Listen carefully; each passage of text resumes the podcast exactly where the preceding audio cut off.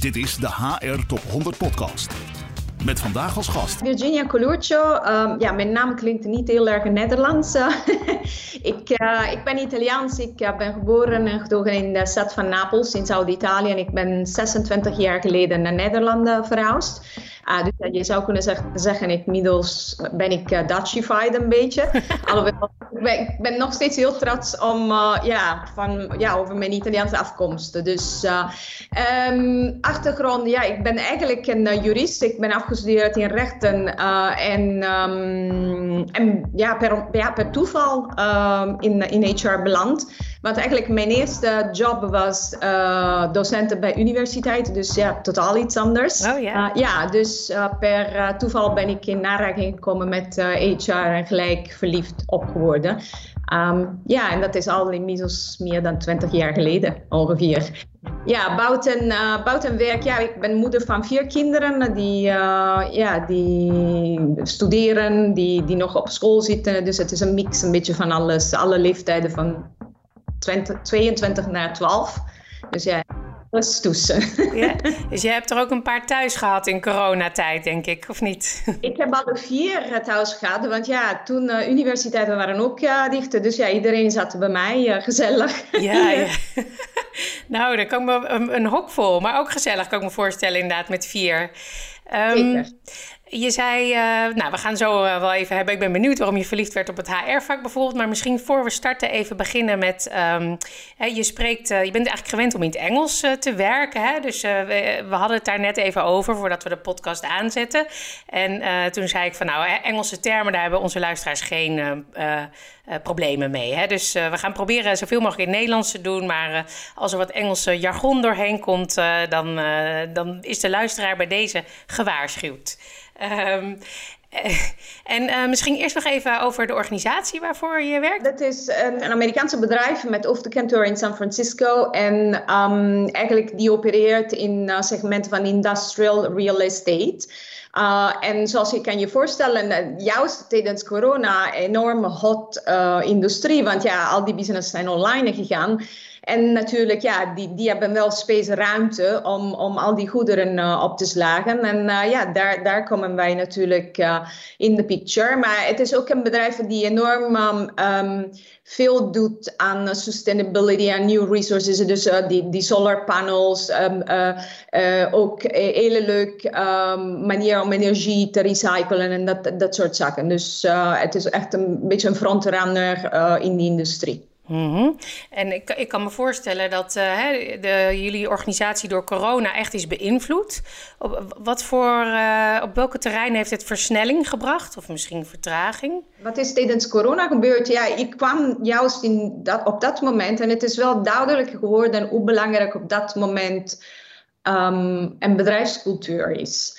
Uh, want het is gewoon een een soort bijna een aardbeving hè, in de wereld, dat, hele pandemie.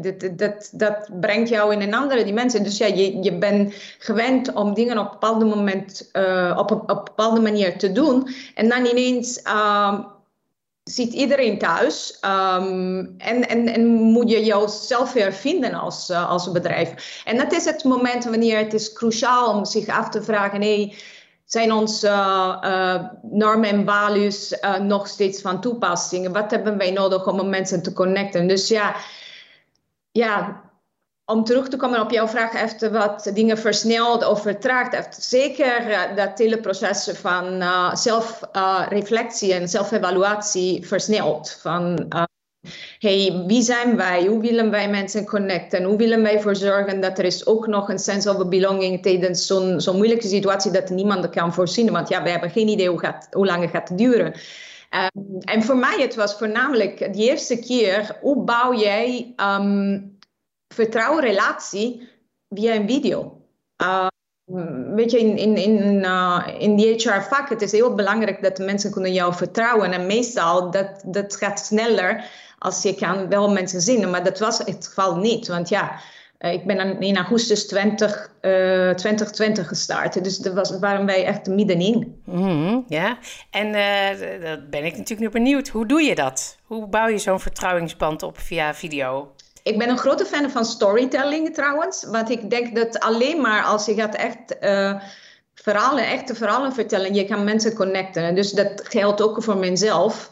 Um, mensen meestal weten dat ze kunnen alles vragen en ze krijgen een antwoord en uh, ja, in alle transparantie. Dus dat hebben wij ook met de leadership team veel gedaan, de storytelling tijdens, uh, tijdens um, uh, pandemic. En, en vooral, weet je, het, het klinkt een beetje cliché inmiddels, maar ja, dat, dat stukje kwetsbaarheid en hey, het gaat ook niet lekker vandaag met mij. ook ik heb echt een struggle, want ja, ik heb vier kinderen thuis die mij helemaal gek maken en, en tegelijkertijd moet ik jullie helpen in een bedrijf met mensen die, die ik nog niet heb gezien. Uh, dus weet je, dat, dat, dat helpt wel, want dan, dan hebben ze zoiets, oh, oké, okay, dat gebeurt ook met, uh, met onze leiders. Ja, dus je zegt eigenlijk het bespreekbaar maken van uh, mentale issues, hè? dat is heel belangrijk. Daar kan je ook een voorbeeld in geven. Ergens in april hebben wij um, voorgesteld om volledige parental leave, dus voor, voor, voor um, ouderschapsverlof. Ja. ja, eigenlijk het is niet ouderschapverlof, want die, die bestaat, ja, dat is, ja, laat maar zo zeggen, het is ouderschapverlof, maar uh, drie maanden uh, fully paid, dus 100% betaald in alle landen. Uh, en dan kun je je voorstellen, Nederland, we zijn uh, enigszins nog een stukje vooruit qua, mm, ja, qua, qua wetgeving. Maar ja, landen zoals, um, zoals Czech Republic, nou, daar hebben zij twee jaar maternity leave, dus moederschapverlof. Uh, maar voor vaders, het is twee dagen. Uh, ja, ineens kom je met zo'n uh, zo'n nieuwe, um, eigenlijk een nieuwe voorstel, waar in feite je gaat impliciet dat hele diversity um, helpen. En dat is ook uh, ik noem dat een selfless act, want uh, dat gaat niet uh, rechtstreeks onze um, vrouwelijke medewerkers helpen, maar dat gaat eigenlijk die vrouwelijke medewerkers van andere bedrijven helpen, want onze mannenmedewerkers kunnen uiteindelijk drie maanden thuis zitten. Dus dat is, dat is gewoon in dat concept, met z'n allen moeten wij dit veranderen. What's in for us? Nothing. Want eigenlijk, we zijn een medewerker voor drie maanden kwijt. Alleen, wij geloven zo sterk in dat we willen natuurlijk dat het gaat echt die hele maatschappij een beetje veranderen. Het is een signaal eigenlijk hè, naar uh, ja, die uitzendt van uh, het is belangrijk. Ja. Veel mensen dachten nou het is no-brainer, iedereen is super happy mee. Maar vergis je niet, en dat voelde ik al, um, er zijn een aantal dinosaurussen, zoals ik, die hebben al vier kinderen, die zijn leaders, die hebben zoiets, ja, joh, en straks ben ik wel mijn medewerker kwijt voor uh, drie maanden. Vind ik dat leuk? Nee. Uh, hoe moet ik hier omgaan? Dus we wilden ook de stemmen van, van dat, dat soort groepen horen. En niet altijd uh, bijvoorbeeld denken, uh, alles wat wij, bedenken op leadership niveau, dat moet gewoon goed geaccepteerd worden. En ook daar hebben wij heel veel interessante informatie gekregen en tot een nieuw idee gekomen. ja, en voor de mensen ook te beseffen, weet je wat ik, ik ben bij Prologis gekomen, heb ik ook heel duidelijk aangegeven, ik kom hier, I'm, I'm coming to build adult relationships. Um, mijn achtergrond is niet uh, de typisch HR. Sterker nog, als ik neem mensen in mijn team, probeer ik nooit uh, mensen met in, ervaring in, in HR aan te nemen. Want ik zeg altijd, ja, they come with the bad habits. Uh, en wat, wat wij doen is niet zo'n zo'n typisch HR. en wat is dat, een bad habit bijvoorbeeld? Ja, uh, de policies. Dat, dat kan ik echt eh, niet tegen. Want ja, dat ga je gelijk positioneren als politieagent in een bedrijf. En uh, weet je, ik ga ervan uit dat mensen zijn allemaal uh, idiots. In de meeste gevallen kunnen zij die juiste besluiten nemen in hun privéleven. Dus waarom nemen wij aan dat ze kunnen niet in hun professionele leven? En we zijn uh, ja, ik noem dat die handboekenculture. We zijn enorme handboekencultures aan het bouwen geweest.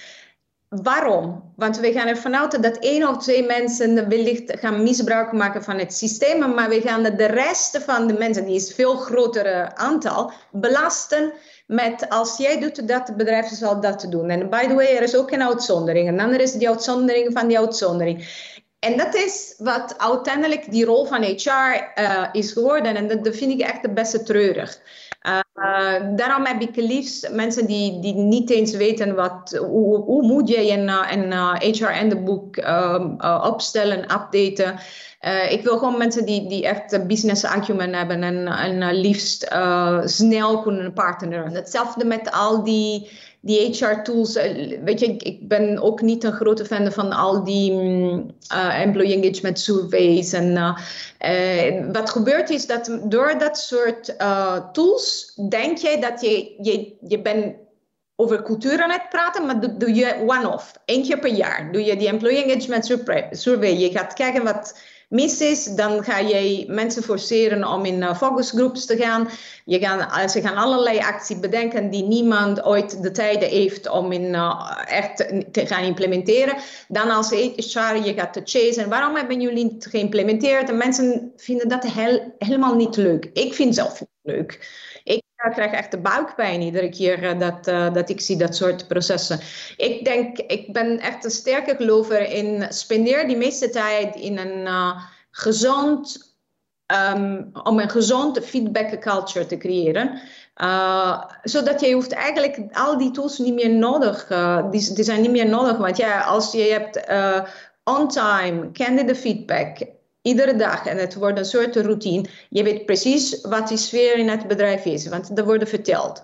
Uh, je weet precies hoe mensen presteren. Uh, um, en ze weten natuurlijk van, van meerdere mensen, niet alleen maar van de manager. Dus je hoeft ook geen uh, um, NDR-reviews en, en ja, reviews en dat soort zaken. Dus ja, ik denk, nou, spendeer echt de tijd om een paar goede dingen te doen. En ga je zelf zien dat automatisch al die ouderwetse tools um, komen te vervallen. En wat is dan de, de rol van data? Hè? Want het is natuurlijk ook heel. Uh, ik snap helemaal wat je zegt. Hè? Dus uh, uh, ja, creëer een cultuur van dialoog. Hè? Dan weet je al automatisch hoe, hoe mensen erbij zitten. maar ik hoor ook heel veel mensen in HR de behoefte uiten aan data. Hè? Dus zo'n survey geeft je natuurlijk wel data over hoe voelen mensen zich. Of hoe kijk jij daar tegenaan? Niet happy mee. Uh, ik uh, vind altijd de KPI's is, is gewoon voor mensen die niet uh, hun leiders vertrouwen. Waarom, waarom zeggen wij altijd what we cannot measure, we cannot manage it? Waarom heb je leaders? Waarom heb je managers? Je helpt managers om te managen. Waarom heb je data nodig om, om, om de boel te managen?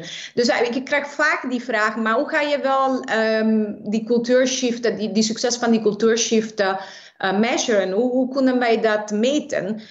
En ik denk, ja, dat, dat, zie je wel, dat hoor je wel. Een paar weken geleden, uh, wij hadden drie medewerkers, die hebben gewoon een voorstel van een andere bedrijf, die was 10k, 10k meer gewoon geweigerd. Want ze zeggen, ja, voor mij telt veel meer die cultuur waar ik zit in. En, en dat is gewoon die cultuur waar ik wil inwerken. Dan meer geld. Dat is voor mij een metingmoment als je wil echt meten. Ja, mensen die, die, die, ja, die, die liefst dan blijven bij, uh, bij jouw bedrijf in plaats van bij een ander bedrijf te gaan. Maar ik heb eigenlijk niet zoveel zin en energie om uh, dingen te gaan meten. Ik uh, wil mijn energie echt spenderen in, in dat dialoog. en ik zeg altijd, die, die, die people partners zijn een beetje de catalyst of die helpen de leaders om de juiste platformen te creëren voor dialoog. Dus voor mij succes worden gemeten hoeveel dialoog over uh, interpretatie van cultuur is er. Ja, dus dat zou jouw KPI zijn, zeg maar. Ja, ja. Moet dat een KPI zijn? uh, nou, we hebben al best veel uh, besproken. Is er nog iets wat leuk is om te vertellen wat we nog niet hebben besproken? Nou, ik krijg vaak, vaker die vragen. Ja, inderdaad, om terug te komen over jouw vraag. Ja, wat we moeten HR-mensen anders doen. Um, ik, ik merk dat ons HR-populatie raakt uh, steeds meer gedraind door die effort dat soms zij doen, en uh, ook nu tijdens die pandemie, van uh, als ik wil iets veranderen, dan moet ik de volledige buy-in hebben van, van iedereen. En, en ik zie echt sommige teams echt als kippen zonder kop, die proberen echt bijna dat buy-in te, te, te smeken. Um, en kijk, ik, ik ik zeg tegen uh, mijn team vaak, probeer echt gaan concentreren op die mensen die de change, de verandering, vooral in de, deze pandemie willen embracen. Uh, je hoeft niet die buy van iedereen te hebben. Ik, ik gebruik vaak die, die, die Engels um, uitdrukking: You can bring the horse to the water, but you can't make the horse drink, right? Dus werk, spendeer jouw energie voornamelijk op die leaders die wel dat soort change embracen. En wat gebeurt, wat we hebben gezien ook bij Prologis, is dat diegenen die uh, resistant to change zijn, dus die mensen die, die willen niet in dat verandering, er gebeurt iets door peer pressure. En vervolgens komen zij op een, op een, een, een, natuurlijke manier toch in dat te changen. Want ja, hun team zien wat gebeurt met die, die teams die wel die, die, changes of die, nieuwe um, benaderingen toepassen. En dan hebben ze zoiets, ja, waarom wij niet? Dan dan ga je echt die energie ergens anders channelen in plaats van iedereen lopen te overtuigen. Ja, helder. En dat, dat vraagt natuurlijk ook visie van HR. Dus uh, iets weten hè, waar je naartoe wil, als, denk ik. Um, ja, en uh, inderdaad niet meer alle, iedereen gelijk. Iedereen hetzelfde. Iedereen moet ja zeggen voordat we door kunnen. Ja, ja precies, ja. precies. Ja. Nou, vind ik een hele mooie oproep om mij af te sluiten. Hè, uh, iedere haar business partner die dit luistert mee te geven als tip. Hè? Je, het was nou, you can, you can bring the horse to the water, but you can't make the horse drink. Ja, heel goed. Ja. Heel erg bedankt voor het uh, leuke gesprek. En heel graag tot de volgende keer. Ja, jullie bedankt voor uh, die uitnodiging. Ja, graag gedaan. Dit is de HR Top 100 Podcast.